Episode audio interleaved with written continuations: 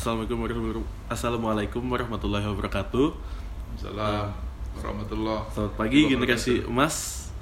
Jadi ini adalah program baru dari BEM ISQ Business School Pak. Namanya adalah Pod BEM ISQ Business School yang akan eh, ada sebuah apa media audio untuk m- memberikan motivasi juga kepada mahasiswa-mahasiswa di ISQ Business School Pak. Iya. supaya ekosistem di kampus tuh lebih baik dengan eh, apa sebuah motivasi dari Pak Ari Ginanjar gitu Iya. langsung. Jadi eh, di volume podcast pertama ini saya merasa sangat spesial karena narasumber kita kali ini langsung dari founder dari ESQ Business School itu Hmm. Bapak Ari Ginanjar. Eh, saya makasih banyak Pak udah Bapak ngasih waktu buat saya. Perkenalkan juga saya adalah Ai, saya eh, host dari podcast ini. Di sini di ruangan ini ada Kak Kemas, ada Zaki juga angkatan 7 dari ESQ Business School.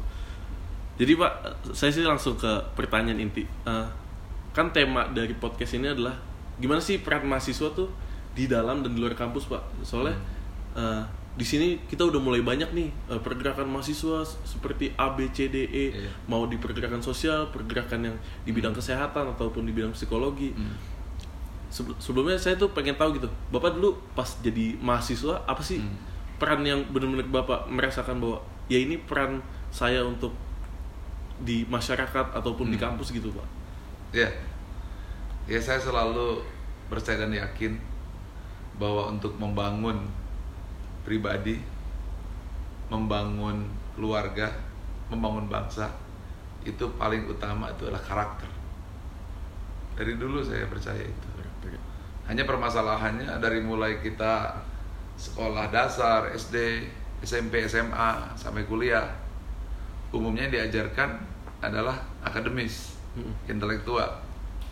Padahal kan riset membuktikan bahwa orang-orang yang sudah sukses dan hebat hari ini yang ke depan atau mungkin ke belakang 80% itu bukan kecerdasan intelektual atau, atau akademis semata tapi kecerdasan lain yang saya namakan ke- kecerdasan emosional spiritual hal itu saya amati sebenarnya semenjak SMA kegelisahan itu saya sudah ada.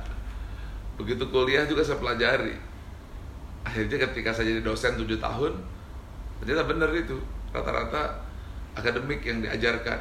Akibatnya para mahasiswa eh, hanya mengejar nilai tapi begitu lulus nggak jadi apa-apa. Jadi orang biasa-biasa.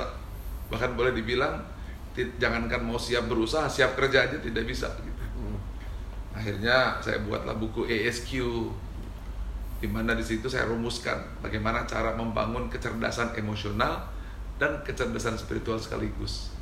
Jadi memang ini impian lama Oh, sehingga sampai anak saya pun ada yang saya namakan Iya. terima Kamsa Nurani. Nurani itu kan hati nurani.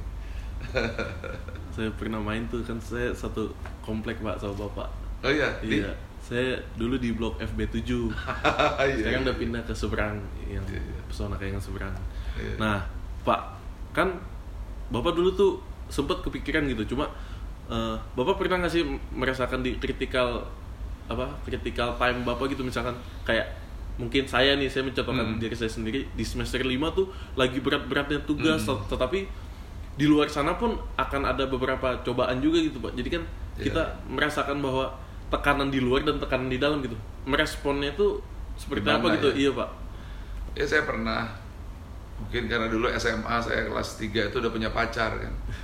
Akibatnya saya nggak fokus belajar, mau fokus pacaran. Pas begitu mau ujian nggak siap. Karena mat- mata mata pelajarannya nggak dibaca gitu kan. Akhirnya saya lulus, tapi saya nggak diterima di kampus-kampus negeri idaman saya. Saya ingin di kampus ya katakanlah kampus yang nomor satu di Indonesia nggak diterima kampus nomor dua nggak diterima kampus nomor tiga juga nggak diterima stan nggak diterima akabri nggak diterima. Saya merasa hidup saya seolah itu putus asa. Hmm. itu rupanya yang dites itu hanya kecerdasan intelektual saya. Padahal kemampuan saya di kecerdasan emosional dan spiritual. Lalu akhirnya jadi dosen lah sebentar tujuh tahun. Setelah tujuh tahun eh, ternyata karena gajinya kecil saya nggak puas saya berhenti jadi pedagang jadi pengusaha setelah jadi pengusaha ya akhirnya saya bikin lah Menara 165 dan kampus SQ Business School Iya. ini Oke. ya dan barulah di situ saya semua impian saya tentang pendidikan saya kasih semua di SQ Business School sehingga mahasiswanya kan habis-habisan dibentuk Hmm. karakternya leadershipnya bahkan ilmu-ilmu kelas dunia yang yang harganya ratusan juta orang lain nggak nggak punya kita kasih ke kampus kita karena tujuan saya itu adalah membangun bukan hanya eh, akademik tapi kecerdasan emosional spiritual dan bahkan pendekatan yang paling canggih kepada mahasiswa Hmm. Nih, Bapak tadi mention gitu eh, ngebangun ISQ. Bapak punya harapan tertinggi nggak sih Pak dan harapan terminimal gitu Bapak bahwa mahasiswa tuh outputnya nanti setelah Bapak didik gitu di Hmm. kampus ISQ Business School Iya. ini pengen kayak gimana sih Pak? Karena kan kita juga mahasiswa eh, dengan didasari dari kita di balik nama ISQ Business School adalah nama Bapak Ari Ginanjar, Hmm. pasti banyak asumsi dari luar pun yang tinggi kepada mahasiswa itu sendiri kan Pak? ya Gitu. ya mahasiswa saya atau mahasiswa business school itu mereka sudah dibekali standar minimum yang tidak dimiliki oleh kampus-kampus lain itu dulu Mm-mm. tentu saja begitu setahun dua tahun bekerja ya sama aja seolah gitu kan tapi tetap berbeda di lapangan dan ke depan juga akan berbeda. Karena mereka sudah punya fondasi jadi ibarat rumah. Kalau yang lain itu kan dibangun tiap atapnya dulu kompetensi skill gitu ya. Iya. jurusan sosial lah teknik lah atau komunikasi dan sebagainya IT manajemen keuangan. Itu atap buat saya. Tetapi kalau ASQ Business School yang saya dirikan, saya kasih dulu fondasinya. Baru saya bikin tiangnya. Fondasinya itu 165. Itu pun 4 lapis fondasinya. Itu training ASQ 165 kan dari basic, MCB, SC, SC kuadrat, total action. Setelah itu baru saya bangun 5 values itu. Baru mereka kuliah. Di tengah kuliah pun kan kuliah karakter saya Iya. tetap saya masukkan dan bahkan juga saya tambah dengan apa nilai-nilai keagamaan pun saya pastikan. Nah, tentu saja memang harapan eh, masyarakat kepada mahasiswa saya memang sangat tinggi. Penilaian sangat tinggi karena ketika melihat mahasiswa saya yang dinilai menara 165 Oh, sebenarnya betul. nggak apa-apa nggak apa-apa ya sekarang para mahasiswanya harus bisa menyesuaikan diri dengan harapan itu karena begitu Iya sih. masuk sini setup pointnya sudah bukan lagi ruko Jadi menara langsung. menara di kepala mahasiswa itu karena mereka sudah terbiasa sholat di atas dan dia tahu saya seorang dosen dulunya dan saya juga cuma pedagang jeans bisa bangun. Kalau saya bisa mereka juga pasti bisa. Karena otak itu kan seperti cermin kan? Ketika setiap hari di sini kan dia ngelihat begini acara bikinnya. Sehingga begitu lulus di kepala mereka mereka bisa bangun ini. Tinggal ini masalah waktu aja ya tinggal kampus mahasiswa yang kuliah di sini ya siap-siap karena anda diharapkan seperti yang selalu saya sampaikan ya tinggal mahasiswa harus buktikan bahwa mereka the best gitu Nih Pak, tadi Bapak juga sempat bilang Bapak sempat dagang Celana jeans. celana jeans tuh. Tuh cerita singkatnya sampai Bapak memikirkan buat usaha celana jeans, jualan celana jeans tuh gimana sih? Karena kan sekarang mahasiswa nih di apalagi di eh, semester saya tuh bingung nih. Wah, nanti kita mau bisnis apa nih?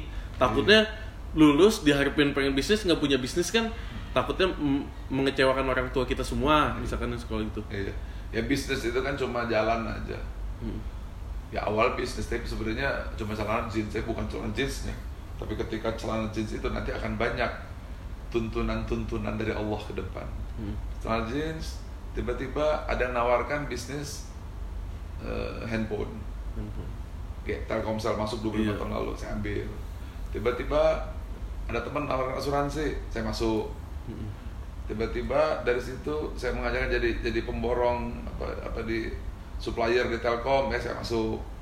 Tiba-tiba ada bisnis eh, membangun multi level bukan saya masuk saya bikin.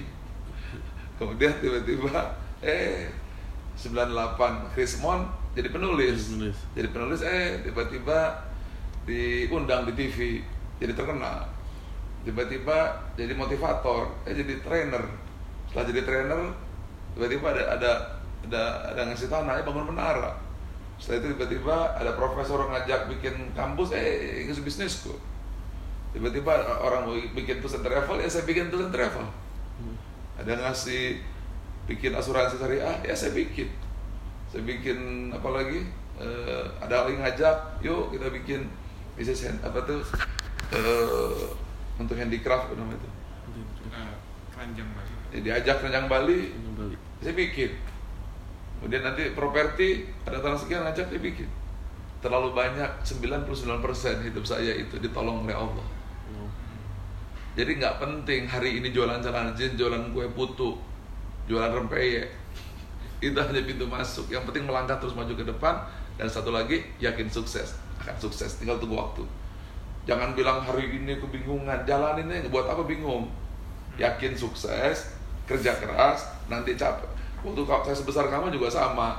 Iya. Maksud, ngapain celana jeans? Nggak jelas masa depannya. Iya ngapain begitu mikir.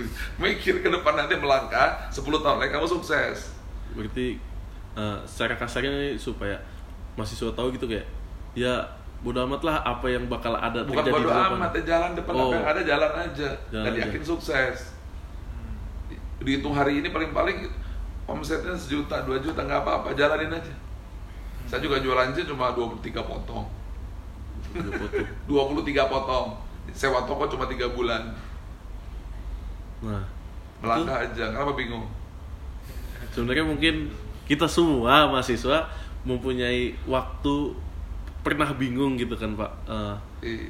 makanya saya tuh pengen banget gitu maksudnya eh, ada sewaktu-waktu mungkin jika bapak berkenan langsung ke semua mahasiswa berorganisasi lebih lebih Boleh, nanti intim. ketemu sama kepala sekolahnya ya, ini, Mbak Wi saya datang nanti. Lebih intimate sama mahasiswa gitu. Jadi Iya.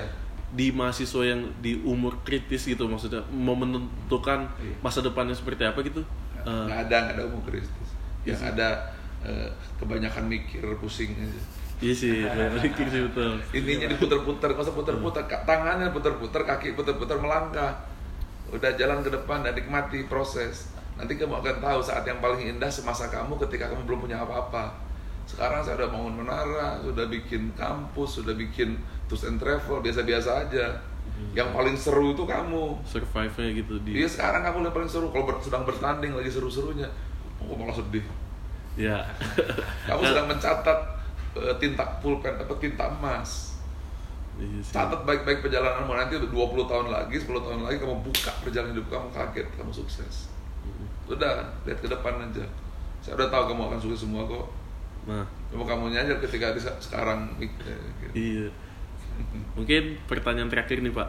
Eh, apa sih yang Bapak pengenin gitu kehidupan di dalam kampus ISQ yang sekarang kan pasti yang Bapak harapin nggak sel- selalu 100% sama seperti yang apa yang realita terjadi. Iya. Tapi eh, yang pengen Bapak dibikin ulang, dibentuk ulang gitu di eh, apa sih Iya. yang pengen Bapak banget harap Iya. Bapak harap? kurikulum yang saya bangun itu dari saya itu Oh. Jadi kamu belajar tiap hari itu itu sa- saya yang mendesain yang disebut dengan EBSW itu. Iya, IBSW. Terus teknik metodologi dari dosen saya ngajar semua di belakang itu. Cuma saya nggak perlu tiap hari ngajar karena itu semua yang saya yang desain konsep Hmm. kampusnya, kelasnya, eh, metode ngajar dosennya, modul itu saya yang desain semua. Karena saya nggak harus hadir kan, Mm-mm. Eh, kan? Iya. KFC kolonel kolonel kolonel Sanders nggak perlu terus masak tiap hari kan, Iya. tapi dia yang masak. Nah saya yang mendesain konsepnya, lima nilai saya yang bangun, 165 saya ajarkan ke kamu, saya yang bangun, materi-materi eh, kuliah, kemudian macam-macam modul. Itu dari saya semuanya yang sampai kamu itu. Bukan dari dosen-dosen itu dari saya yang sama menurut saya perintahkan mereka. Karena saya nggak perlu hadir tiap hari. Ada 300 mahasiswa ada berapa kelas. Tapi itu dari saya semua. Dan kamu tuh memang sudah saya siapkan untuk punya semua itu. Ya kamu nggak sadar bahwa saya, kamu sedang saya bentuk jadi orang hebat kan? Iya sih. Iya. Kamu saya cetak tapi kamu nggak tahu. Tapi kan nggak tiap hari saya harus nongkrong.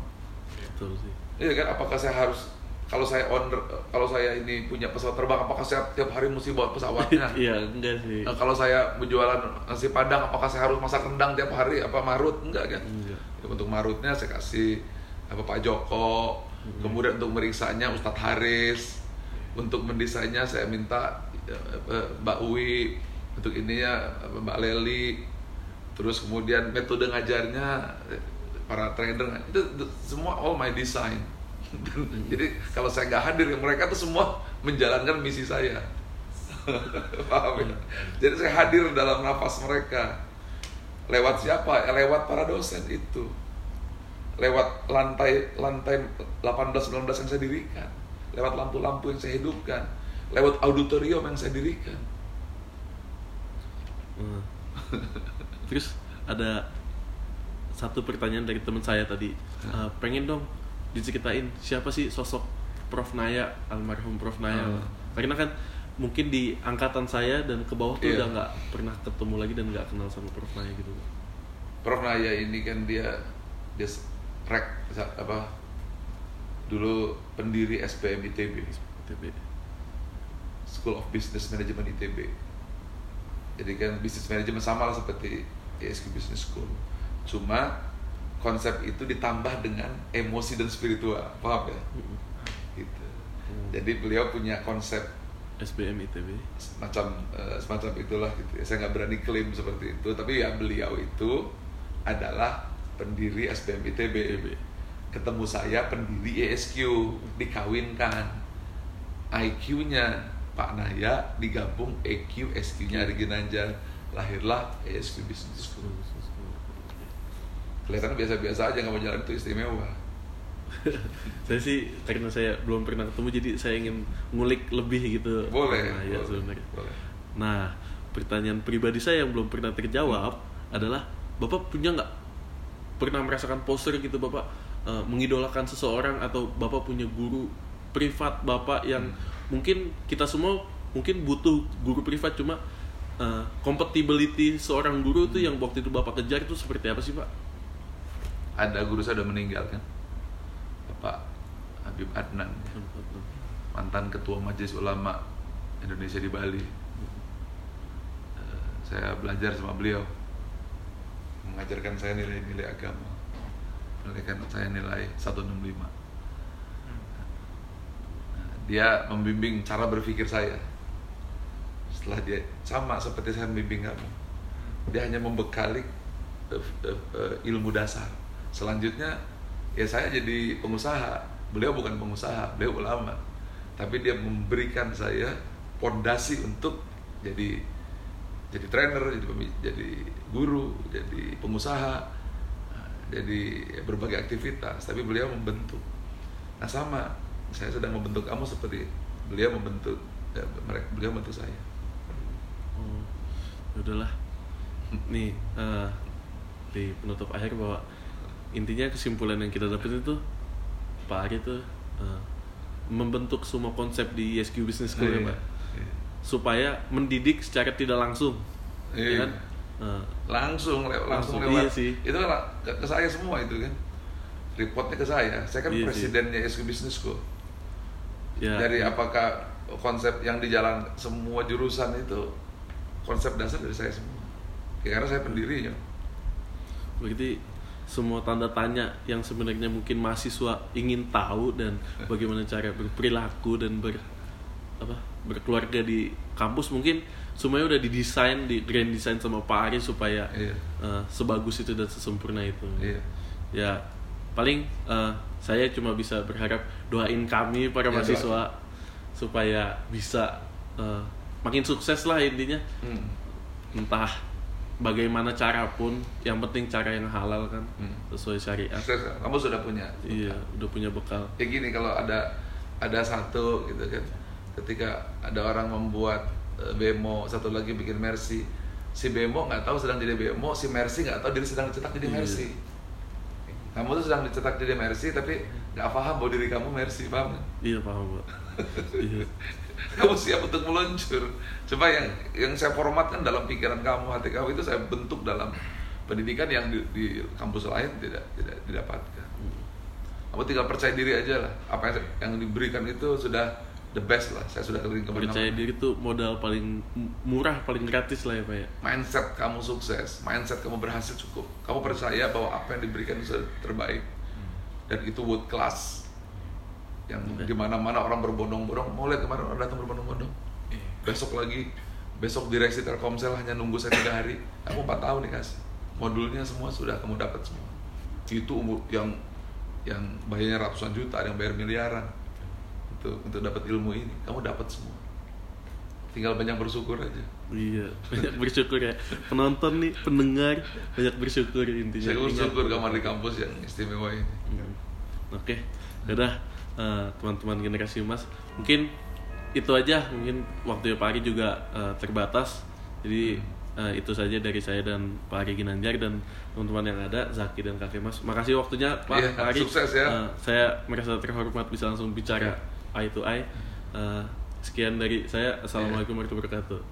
Terima kasih teman-teman.